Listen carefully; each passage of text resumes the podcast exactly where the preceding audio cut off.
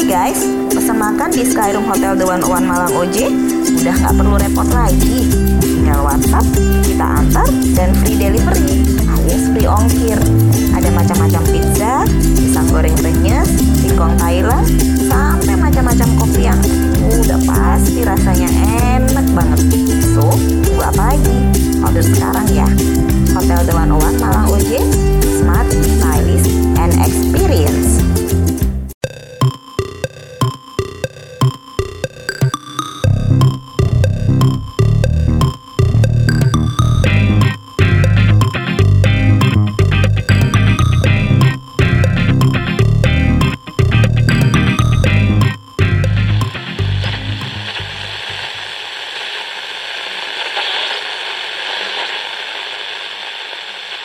Kembali lagi di Bingkai Suara bersama saya Rizal Sardi. Ke di episode kali ini kita akan membahas tentang musik dan saya tentunya ya nggak sendiri. Sekarang akan ngobrol nih dengan salah satu solois asal Malang. Ya gimana? Bapak Cacang Bagus. Halo Mas Rizal, apa kabar? Halo. Yang ini masih di suasana PPKM ya. Jadi kita ini uh, take podcastnya ya tetap online ya, gitu. Karena kita nggak bisa ke mana-mana. Iya, Uh-uh. terpaksa lah, gimana lagi? Ya gimana lagi ya? Sehat ya Cacang ya? Alhamdulillah sehat, semoga sehat selalu. Iya. Mas juga sehat-sehat ya. Sehat, sehat. Alhamdulillah. Oke, sibuk apa nih Cacang? Aku lagi persiapan ini Mas, aku lagi mau ngembangin bisnis kuliner kan, jadi lagi fokus di itu sih sekarang.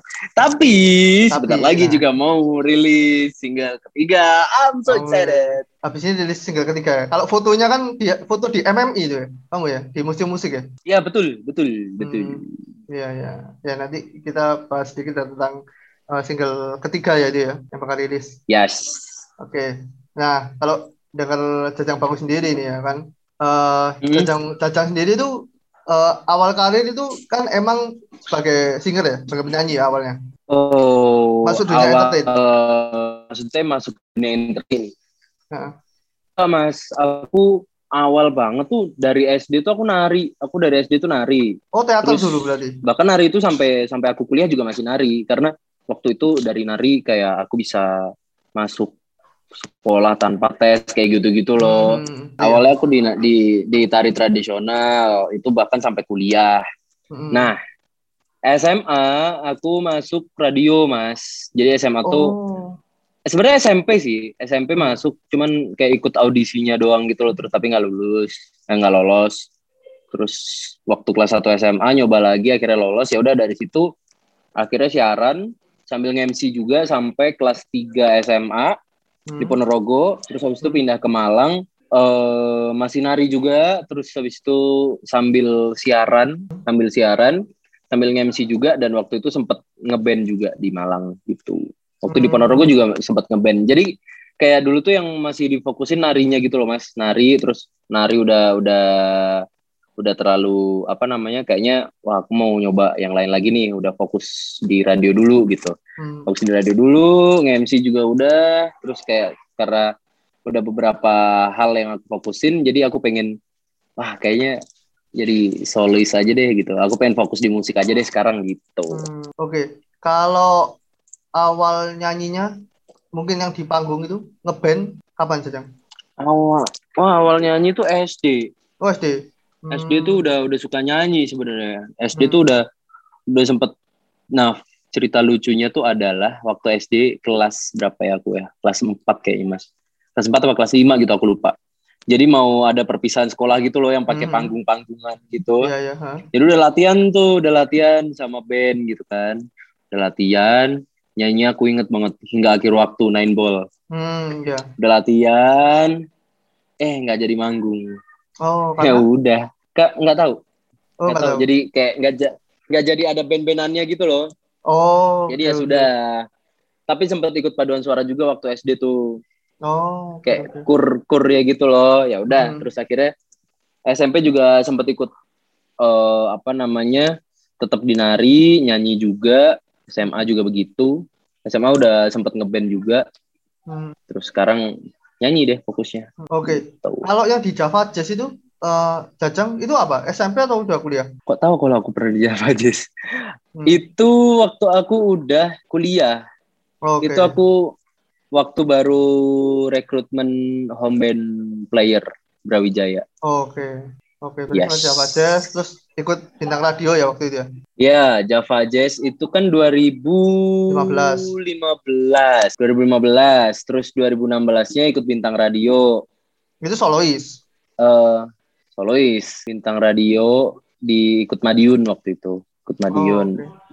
Terus itu pertama kali ikut sih dan alhamdulillahnya kayak jadi perwakilan Madiun gitu loh ke Kendari waktu itu nasionalnya kan. Udah terus 2000 2018 nyoba lagi ikut di Malang. Hmm. Nyoba lagi nyoba lagi ikut di Malang tapi juara berapa ya waktu itu ya? Juara tiga kayaknya. Oh, berarti gitu ya eh, karir eh, nyanyinya ya, yang awal-awal dulu ya. Ya, Ya, betul. kalau betul. ya kalau aku personal kan kenalnya kan di radio kan. Hmm, Tuh, nah, nah, di radio Ya. terus sempat jadi model juga kan, di catwalk gitu, -gitu kan. Jajang ya. betul betul. betul. Hmm. Iya sempat sempat. Eh, sempat jadi eh, main juga di eh, apa reality show juga kan. Aku masih ingat. gitu. Ah, aku SMA itu sempat main film Hah? Negeri Lima Menara, Mas. Oh, SMA oke, kelas ya. 1, SMA kelas 1 sempat main film karena emang dari SMP itu aku suka ikut casting gitu loh. Jadi kayak wah, pernah sampai ditipu kayak gitu-gitu loh. Hmm. Ditipu-tipu kayak waktu itu juga ditipunya bukan soal di casting doang sih waktu itu sempat dijajin kayak wah ini nih dibikinin album gitu-gitu kan. Oh, ini Terus musik ini, album sebagai penyanyi. Eh, iya iya iya sebagai penyanyi. Karena kan aku SMP udah mulai les kan waktu itu. Ah, Udah mulai udah mulai les vokal. Terus kayak ada yang nawarin gitu. tapi tahunya di Udah udah ba udah bayar apa segala macam. Iya, ditipu. Oh. Kayak gitu-gitu sampai akhirnya eh, kelas 1 SMA main film Negeri Menara itu terus kelas 2 SMA sempet udah apa ya waktu itu aku casting kan dari Ponorogo aku Hmm. casting ke Surabaya udah mau tanda tangan kontrak tiba-tiba aku nggak disetujuin sama orang tua gara-gara kayak udahlah sekolah dulu gitu-gitunya nanti aja gitu. Oh, Udah. oke. Tapi kan orang tua tahu kan kamu dari nari segala macam, maksudnya ikut dunia hi- eh, Tahu, maksudnya tahu. di hiburan ini kan tahu tahu kan. sem- tahu dari dari kecil juga tahu aku kalau ada Hmm. apa-apa tuh selalu cerita Hmm. selalu selalu cerita selalu apa ya ibaratnya minta restu lah gitu ke Hmm. orang tua gitu loh mas Hmm. apa pun yang aku lakuin gitu kan Hmm. jadi dan alhamdulillahnya sih support support aja mereka cuman waktu itu yang dikhawatirkan sama orang tuaku adalah wah mending fokus fokus nyanyi eh fokus sekolah dulu Hmm. deh takutnya nanti sekolahnya jadi eh, apa namanya berantakan nanti kalau eh, fokus di main film kayak gitu-gitu kan ya Hmm. sudah akhirnya nggak jadi aku ambil waktu itu filmnya tapi pas kuliah alhamdulillah eh, ada kesempatan buat main reality show itu Hmm. sama sempet di film anak Garuda Oke. Tapi emang dari kecil emang ingin ke dunia entertainment atau gimana saja? yes iya orang tuaku itu mas Hmm. kayak orang-orang eh, apa namanya orang tuaku dua-duanya tuh PNS Hmm. dan dari kecil tuh sempet kayak udah PNS aja bla bla bla bla bla gitu tapi I don't want you Hmm. kayak nggak nggak nggak pengen Intuisinya aja Intuisinya nggak di situ ya? Di entertain ya? Hmm, nggak iya kayak wah kayak nggak bisa nih aku kalau mau jadi PNS atau apa gitu Hmm. Oh. tapi akhir alhamdulillahnya sih disupport aja sih nggak nggak yang ada perlawanan apa gimana Tapi ada nggak dulu kalau ngomongin kecil spesifiknya ingin jadi apa penyanyi kah, pemain sinetron kah, penari kah, atau semuanya penting di dunia hiburan? kalau pengen jadi apa dulu jujur kayak wah aku pengen pengen deh jadi penyanyi yang nyanyi di panggung besar Oh, terus penyanyi ya sudah? banyak penontonnya pengen, Hmm. pengen banyak penonton iya dari kecil emang suka nyanyi kan dari SD itu suka nyanyi cuman karena di Ponorogo belum belum terlalu banyak les vokal gitu loh mas Hmm. akhirnya ya udah nggak nggak sempet terbuilding dengan baik nyanyinya jadi ya sudah nggak nggak fokusnya makanya waktu itu fokus di nari dulu gitu Oh, Oke, ya. Jadi eh, gitu ya. Berarti kalau track back perjalanan yang bagus ya. Nah akhirnya kan, Hmm, mm-mm. akhirnya kan sering cover-cover lagu ya di sosial media kan, gitu ya. Awalnya ya itu. betul Terus di awalnya juga. mm-mm. Nah akhirnya Hmm, mantep nih buat eh, menjadi soloist dan mengeluarkan single itu momentumnya apa Jajang? Yang akhirnya oh ini, ini saatnya nih gitu. Momen, momentumnya adalah waktu itu kan aku udah udah keluar dari radio. Mm-mm. terus abis itu eh, mau nge-MC juga udah pandemi kan mas. Waktu itu udah nggak ada event apa segala macem Ah, kan. terus, terus dasarnya anaknya nggak bisa diem nih.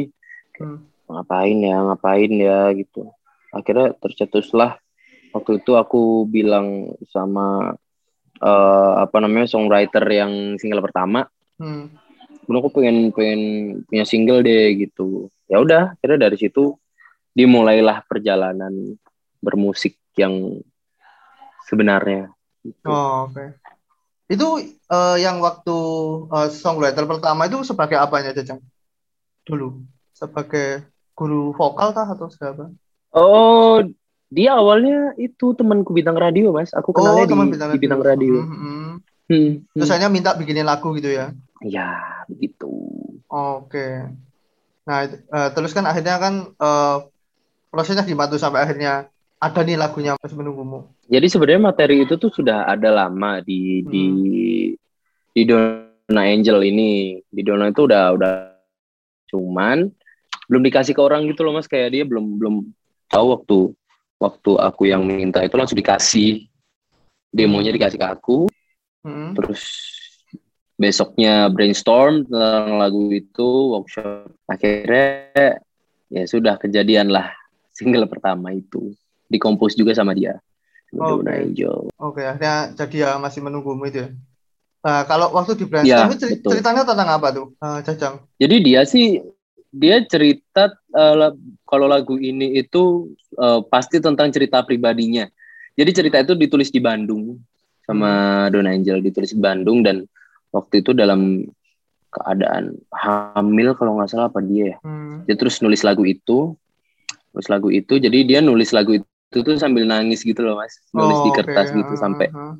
katanya sampai sekarang juga masih disimpan kertasnya kayak sampai air air matanya tuh netes di kertas itu gitu loh Oh, tanpa oke, dia sadar kalau dia Hmm. nangis gitu Hmm. itu ditulisnya di Bandung nah fun fact-nya tuh kayak eh ini eh apa namanya lagu itu ditulisnya di Bandung mixing masteringnya nggak sengaja juga di Bandung Hmm. video klipnya juga di Bandung gitu. Hmm. Berarti anu ya, inland ya gitu loh ya.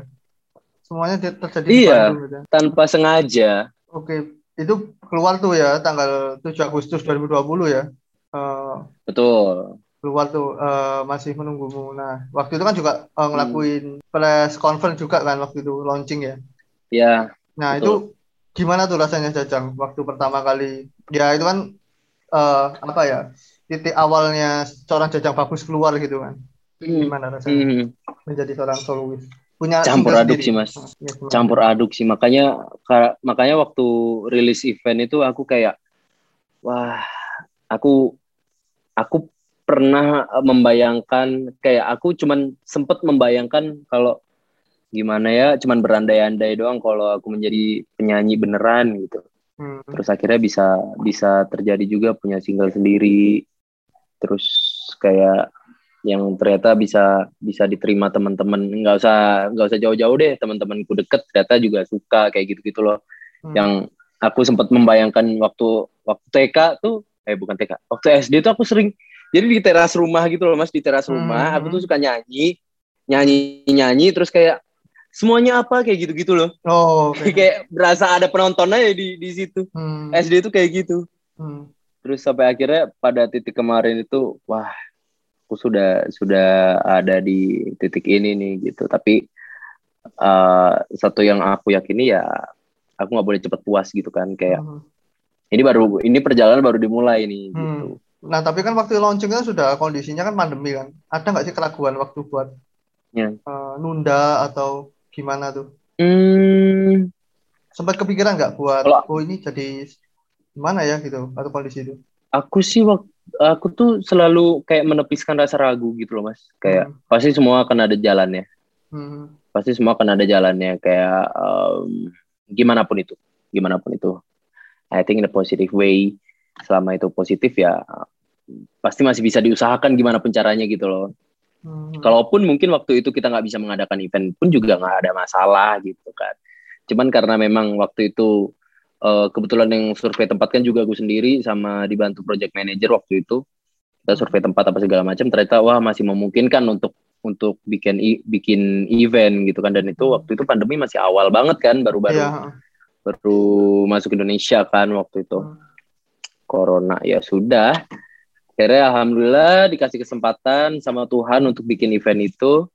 Kumpul-kumpul sama teman-teman media teman-temanku sendiri keluarga semuanya bisa datang hmm. gitu dan ya seneng sih Nah itu respon teman-teman gimana tuh Jajang? Teman-teman dekat ketika uh, seorang Jajang Bagus ini udah uh, ngeluarin single gitu ya uh, tapak pertama jadi profesional gitu. Hmm. Komennya kayak cuman satu sih rata-rata kayak wah Jajang ini emang nggak bisa diem ya orangnya gitu. Oh, gitu. Hmm, okay. Jadi kayak ada aja yang dikerjain. Jadi ya ya sudah ya emang nggak bisa diem mas kayak hiperaktif kali ya anaknya. Ya. Hmm. Tapi dari situ semakin mantap ya untuk menjadi seorang penyanyi. Ya? semakin mantap semakin mantap hmm. karena um, ini adalah hal yang aku sukai gitu kan dan apa namanya didukung juga sama lingkungan yang positif gitu hmm. kan jadi ya alhamdulillah so grateful being this time jadi semoga sih ya bisa lancar lah seterusnya. Nah uh, beberapa selang beberapa bulan selanjutnya kan itu kan keluar tuh yang versi versi live-nya gitu. Agak jauh sih ya hmm. Agustus ke Februari ya. Nah itu betul. ada nggak uh, kenapa kok dibikin live live sessionnya? Jajang ada alasan khususnya gak? jadi sebu sebenarnya uh, live session itu mau dibikin ketika aku di Jakarta. Waktu aku di Jakarta itu uh, aku kontekan sama timku yang di sini kan mas kayak gimana nih should uh, we create live session di Jakarta uh, banyak pertimbangan dan waktu itu karena memang udah waktunya aku balik ke Malang jadi kayaknya oh kayaknya di Malang aja bisa gitu kayak di Malang aja bisa gitu kan hmm. itu sebenarnya udah mau dibikin dari bulan Oktober oh. Oktober 2020 oh. itu hmm. sebenarnya mau dibik, dibikinnya bulan Oktober cuman karena keterbatasan jarak dan waktu akhirnya ada kesempatannya ya Februari itu kemarin baru rilis live versionnya. Oh. Jadi uh, gitu ya berarti uh, memang jauh memang gara-gara Jaja mungkin di Jakarta itu ya kendalanya. Iya, betul. Uh, sebenarnya malah bulan depannya Agustus uh, Oktober itu ya mau emang digarap ya. Mm, bener. Sebulan setel, eh beberapa bulan setelahnya kan gitu kan. Nah itu kan langsung keluar kan single kedua ya. Terpendam dalam diam kan. Mm. Itu gimana tuh akhirnya ada di single kedua? Apa itu sebelumnya udah udah siap nih? Tapi mungkin gara-gara nunggu live sessionnya dulu atau gimana? Jajang hanya keluar single keduanya. Jadi jadi sebenarnya produksi lagu kedua itu atau single kedua itu udah diproduksi dari bulan mulainya September. Dari bulan September tahun 2020 itu sudah mulai digarap uh, aransemen dan uh, segala macamnya. Baru dibawa ke Jakarta untuk recording vokalnya gitu. Hmm. Jadi November itu udah jadi Mas materinya. November tuh udah jadi, cuman belum ada video klipnya. Nah, oh. waktu itu karena uh, awalnya sih mau syuting video klip itu di bulan Desember kayak nggak salah. Hmm. Desember atau Januari gitu aku lupa. Tapi akhirnya baru kesampaian bulan apa ya waktu itu? Januari pertengahan, Januari hmm. pertengahan apa akhir gitu aku lupa. Itu. Jadi sebenarnya materinya udah udah siap, cuman kayak nunggu momentum aja. Oh, gitu. okay. Oke, okay. uh, eh, dan itu syutingnya di Jogja ya? Emang milih lokasinya di situ? Ya? Iya, iya yang kedua di oh, Jogja. Uh, Oke itu, uh, akhirnya launching kan uh, Terbenam Dalam Diam. Nah itu ceritanya apa tuh, Jajang? Terbenam Dalam Diam. Siapa yang nulis dan ceritanya gimana? Hmm, kalau untuk songwriternya masih sama, Dona Angel. Hmm. Dan kebetulan dari ceritanya juga ini lanjutan dari single pertama. Hmm. Kalau single pertama tuh um, bisa jadi menjadi sebuah jawaban atau bisa jadi menjadi awal mula cerita gitu kan. Oh, okay. Jadi gimana dua orang dua orang yang udah nggak bisa bersatu karena keadaan, hmm. karena dia mungkin udah nggak bisa sefrekuensi, hmm. udah beda beda jalan pikiran atau mungkin karena terhalang restu orang tua atau karena beda agama. Ya, kan banyak faktornya itu ya, mas. Pokoknya nggak bisa lah ya, nggak bisa bersama lagi pokoknya. Nggak bisa bersatu. Tapi mereka tahu kalau mereka ini masih saling masih saling menyayangi gitu loh. Tapi udah nggak bisa bersatu lagi. Yang akhirnya cuma bisa nunggu. Salah satu dari mereka cuma bisa nunggu dan cuma bilang kayak um, wherever wherever you go aku masih di sini buat nungguin kamu kalau kamu nyariin aku. Kayak gitu loh. Sesetia itu untuk menunggu. Meskipun dia tahu belum tentu dia akan balik lagi gitu. Oh. tapi akhirnya ya dari dari menunggu itu akhirnya dia cuma bisa mencintai orang itu dalam diam. Oh, secret dia admirer cuman gitu mem- ya. Iya, cuman bisa memendam perasaannya. Dia nggak bisa ngungkapin itu lagi karena diungkapin pun juga kayak akan percuma dan daripada merusak kebahagiaannya dia ya lebih baik dipendam aja gitu Oh. Ini emang emang inland ya, maksudnya se sejalan ya. Eh, Iya, iya, Mas, betul. ya. Hmm. Tapi emang sengaja Hmm. bikin gitu atau emang ini sebenarnya terpisah gitu? Awalnya mau wak- waktu bikin si lagunya kayak continue emang udah niat sih oh, emang udah. iya Continue. emang udah udah hmm, Hmm, jadi kayak sambungannya gitu ya. Kayak oh ini habis dari sini, Yes. dari sini. Nah, gitu. betul Ha. Ini yang aku penasaran sih, eh, kenapa sih kok judulnya kok masih ada dalam kurung, dalam kurung gitu loh Jajang? Apa sih maknanya? Gitu. Kenapa kok terpendam? Itu memang- masih terus menunggu, nah, gitu loh. Gimana Jajang? ya itu emang emang tujuannya biar orang-orang pada penasaran enggak enggak enggak enggak jadi emang sebenarnya kenapa ada dalam kurung itu tuh kita pengen pengen memfokuskan tema dalam lagu itu gitu loh mas kayak Hmm. hmm, awalnya kalau di single pertama itu kan judulnya masih Mm-mm. yang kalau eh, masih itu Masih, masih apa? apa ini gitu Hmm. akhirnya kayak lebih dikerucutkan lagi masih menunggumu gitu kayak aku Oh. masih nungguin kamu di sini gitu loh arti Hmm. arti menunggumu di sini tuh menjadi lebih dalam lagi gitu loh nah Hmm. termasuk juga kayak ter- terpendam dalam diam tuh biar biar orang tahu gitu maksudnya ketika aku memendam perasaanku Nah, ya aku pasti akan cuman bisa diam gitu aku nggak bisa apa-apa Nah ini eh, yang terpendam dalam diam ini eh, prosesnya gimana Jajang? Waktu eh, recording lah ada cerita-cerita eh, tersendiri nggak? Atau ada tantangan tersendiri nggak di single kedua? Kalau dari musiknya kan emang beda ya. Ini lebih full orkestra gitu ya.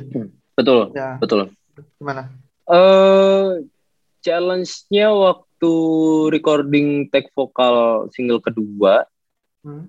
itu susah ininya sih mas apa namanya kan however kita harus kawin sama studionya dulu kan biar kita Hmm. nyaman ha. biar kita enak gitu sedangkan eh, di Jakarta itu kan kayak eh, waktu di Bro Studio itu aku recordingnya dari jam shiftnya itu dari jam 6 sampai jam 12 malam Hmm. dari jam 6 sampai jam 12 malam. Nah, waktu itu yang harusnya aku nyampe situ setengah li, setengah enam, Hmm. tapi gara-gara gara-gara taksinya tuh muter-muter nggak tahu jalan, Hmm. akhirnya dan dan macet juga, akhirnya telat waktu itu setengah tujuh tuh baru nyampe, panik dong, Hmm. panik, belum sempet eh, apa namanya, belum sempet adaptasi dengan studionya Studio, juga. Akhirnya ya ya itu sih yang challenging banget kayak biar kita bisa nyaman dengan waktu yang singkat gitu-gitu. Tapi Ah. untungnya sih Selesai. mm, eh, dalam waktu 6 jam itu selesai. Jadi gitu ya dari cerita uniknya single yang kedua ya. eh, terpendam dalam diam. Hmm. Nah, nah Hmm. eh, waktu eh, terpendam dalam diam ini launching tanggal 28 Mei. Nah, ini habis ini kan juga ada lagi nih. Ya nggak, Jajang? Mm-mm, Nah. betul.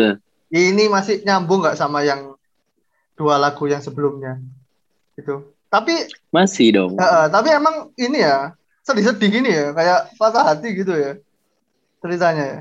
Hmm, hmm, hmm, Ini kan hmm. tapi Ada unsur sebenarnya bahagia-bahagia kan ini kan. Melepas Iya, bahagia. iya, iya. gitu. Nah, bahagia ini Hmm. bahagia atau gimana nih? bahagia yang yang harus kita dapatkan, yang berhak kita dapatkan. Oh, jadi tetap sedih. Karena-? Em, lebih ke ikhlas sih. Makanya Oh. aku eh, di di Instagramku tuh aku bilang ikhlasin aja yuk kayak gitu loh Mas. Jadi kayak lebih udah kita harus harus legowo ketika kita kehilangan sesuatu. Gitu. Oh, gitu. Kita harus dam, kita harus damai dengan diri sendiri biar kita nggak terlalu termakan obsesi kita gitu kan. Oke, kita boleh mencintai seseorang, tapi kita tahu di mana batas kita mencintai orang itu. Kalau memang kalau memang udah nggak bisa disatukan ya kenapa harus dipaksakan? Oh, gitu ya. Toh, toh kita juga punya pilihan bahagia masing-masing gitu loh. Oh, oke. Jadi sebenarnya itu melepas untuk bahagia. Oh, oke, melepas bahagia. Tapi kalau dari eh, segi lagu nih ya, apakah Jajang itu seseorang yang seperti yang personal yang di lagu itu gitu? Se deep itu kah? Heeh. Atau gimana ya? Jelas. Jelas. aku tuh gimana ya Mas ya? Ah. Dasarnya aku tuh overthinking orangnya. Oh. Overthinker. Aku tuh aku tuh adalah overthinker. Hmm. Jadi kayak aduh ada segala sesuatu tuh dipikirin banget gitu. Tapi akhirnya ya kita harus menemukan kedamaian dalam hati kita sendiri kan. Biar Oh. kita bisa menciptakan bahagia itu sendiri gitu. Bahagia itu Oh, kan oke. diciptakan, bukan Iya, dicari. iya. Oh, oke. Tapi yang kemarin ditinggal nikah aman ya? Kan Aman. Aman, aman, aman. Heeh. Iya. Makanya itu ikhlasin aja yuk. Oh, oke gitu ya. Nah ini selepas single ketiga nih Jajang, Eh, rencana Hmm. nih gimana nih? Album kah? Atau gimana? Wah, untuk album doain aja deh Mas, semoga semoga kalau memang ada jalannya untuk bikin album ya semoga. Tapi kalaupun enggak ya enggak apa-apa. Maksudnya single-single dulu juga nggak masalah. Oh ya, Hmm. Jajang ini eh, kalau live perform terakhir di mana Jajang? Apa di 28 Mei itu? ya? Atau ada habis gini ada main? Live live perform waktu itu aku terakhir di acara yang ngalup Oh iya ya. Heeh. after launching itu. After launching itu. Ya, di acara yang ngalup. Hmm. Nah, Terus ini habis itu kan PPKM, itu PPKM. kan. Hmm. Hmm. Nah ini mempengaruhi nggak untuk single melepas ini? Hmm, kalau untuk yang single melepas ini ya terpaksa nggak ada apa-apa mas maksudnya kayak it's okay just online launching aja Ke depan ada nggak rilis aja virtual konser atau apa buat untuk Jajang sendiri? amin amin pengennya sih bikin konser beneran ya nggak usah virtual ya biar kita bertatap muka langsung gitu ketemu langsung nyanyi bareng gitu kan enak gitu kan Hmm. virtual tuh aduh ini yang nonton juga cuman gini doang kan nonton di layar doang kan nggak Iya. seru gitu loh Vibes-nya nggak dapat ya? Iya, nggak bisa ketawa bareng, nggak bisa galau bareng gitu. loh. Oh, Oke. Nah ini eh, terakhir sih Jajang. Pesan yang pengen Jajang Hmm. sampaikan sih buat mungkin pendengarnya Jajang, terus orang di luar sana itu gimana Jajang? Sama mungkin ke, ke depannya Hmm. nih apa nih yang mau Jajang capek nih? Oke, pesanku sih adalah untuk untuk listeners yang lagi dengerin, kayak nggak apa-apa untuk untuk sakit hati, tidak apa-apa untuk kecewa, dan tidak apa-apa untuk melepaskan. Menurutku tiga hal itu pasti akan kita temui sampai kapan pun gitu loh. Kayak kita Hmm. kita nggak bisa berharap banyak sama orang lain. That's why kita nggak bisa menggantungkan bahagia kita sama orang lain. Kita harus menciptakan bahagia itu sendiri. Kalau memang masih kuat memendam, that's okay, that's a choice. Itu adalah pilihanmu sendiri. Tapi kalau memang kamu sudah sudah siap untuk mengatakannya dan kamu harus melepaskan misalnya, ya nggak apa-apa. Kita tahu masing-masing resiko dari pilihan kita gitu loh, Mas Oh, Oke. kita tahu segala resiko yang kita ambil Hmm. dari pilihan kita. Iya. Jadi em, jangan pernah takut untuk melangkah Iya. karena we never knows if we never try. Iya. Kita nggak tahu ya di Gitu. depan nanti dapat yang lebih baik kayak gitu kan ya Jajang ya. Ya, kita kan Kalau kita- tahu satu jam kita- lagi kita akan melakukan apa gitu loh. Jadi kayak dan kita nggak kita nggak tahu satu jam lagi kita akan ketemu sama siapa. Jadi Iya benar. take it easy, santai aja. Ah, jadi yang yang menurut Jajang paling benar ya udahlah. Kalau emang eh, udah nggak bisa ditunggu dan ini udah nggak bisa jalan, udah tinggalin aja gitu. Ya move on gitu aja. Iya, iya, karena kita juga berhak sayang eh, kita harus sayang diri kita sendiri Iya, iya. dan kita juga harus memberikan kesempatan orang orang lain untuk merasakan bahagia kita gitu loh karena karena kalau misalnya gini nih orang itu udah sama orang lain nih terus kayak orang itu tahu kalau kita masih di sini nungguin dia gitu Hmm. pasti dia Iya. juga akan terganggu dong bahagianya dia Iya. pasti akan overthinking dia akan kepikiran akan beban apa segala macam gitu jadi kayak lebih baik dilepaskan aja untuk bahagia masing-masing Iya. Dan yang penting tadi ya diri sendiri dulu ya Jajang. ya? ya yang penting diri sendiri dulu bahagia baru bahagiain orang lain Oke. Terus ke depan next Jajang. Pencapaian apa yang mau dicapai atau ada, ada masih ada kepingin kolaborasi sama siapa atau apa pun di dunia musik. Cita-citaku ah, bukan cita-cita sih kayak eh, harapan harapan cerca harapan doang deh I don't know um, maybe people say that just impos impossible tapi aku berharap ya kita nggak tahu gitu loh kita nggak tahu se- sejam lagi apa yang akan terjadi makanya Hmm. kayak aku pengen kolaborasi sama Yellow Claw Iya, iya. aku pengen kayak punya project bareng sama Anne Marie kayak Ah, gitu-gitu. Itu mungkin sebagian orang akan menganggap wah gila nggak mungkin lah gitu. Ya aku aku pun sendiri juga ya nggak mungkin sih tapi Iya. kayak ya bermimpi itu kan nggak bayar ya Iya, nggak bayar. bebas ya jadi kayak Iya. Ya kalau ya kita eh, ngomong kan bermimpi tinggi langit, nanti kalau jatuh, jatuh jatuh Hmm. bintang-bintang gitu kan. Iya betul. Ya jadi ya jangan takut bermimpi ya setinggi apa pun. Oke, eh, gitu ya Jajang ya. Eh, thank you banget ya udah ngobrol di sini ya. ya ya Mas Jal thank you so much sudah Ah. diajak ngobrol seru sehat-sehat salam untuk tim Iya, aku salam buat Miki, terus buat Grace sama teman-teman di eh, Elio Records juga ya, terus teman-teman di siap Alindra. siap siap, siap. Siap, sekarang siap, lagi siap. sibuk syuting ya. aku ini. salamkan. Iya, ini tadi bikin konten. Produktif terus ya. Kita tetap produktif ya walaupun PPKM ya. Di rumah aja online gini ya. Harus, Harus. harus, Iya. harus nggak boleh diem pokoknya emang nggak boleh Iya, diem. boleh diem. Oke, gitu ya listener ya. Hmm. Eh, terima kasih Hmm. banyak eh, udah dengerin kita ngobrol saya dengan Jajang Bagus. Dan oke, sekian dulu episode kali ini. Eh, see you ini di next episode. Bye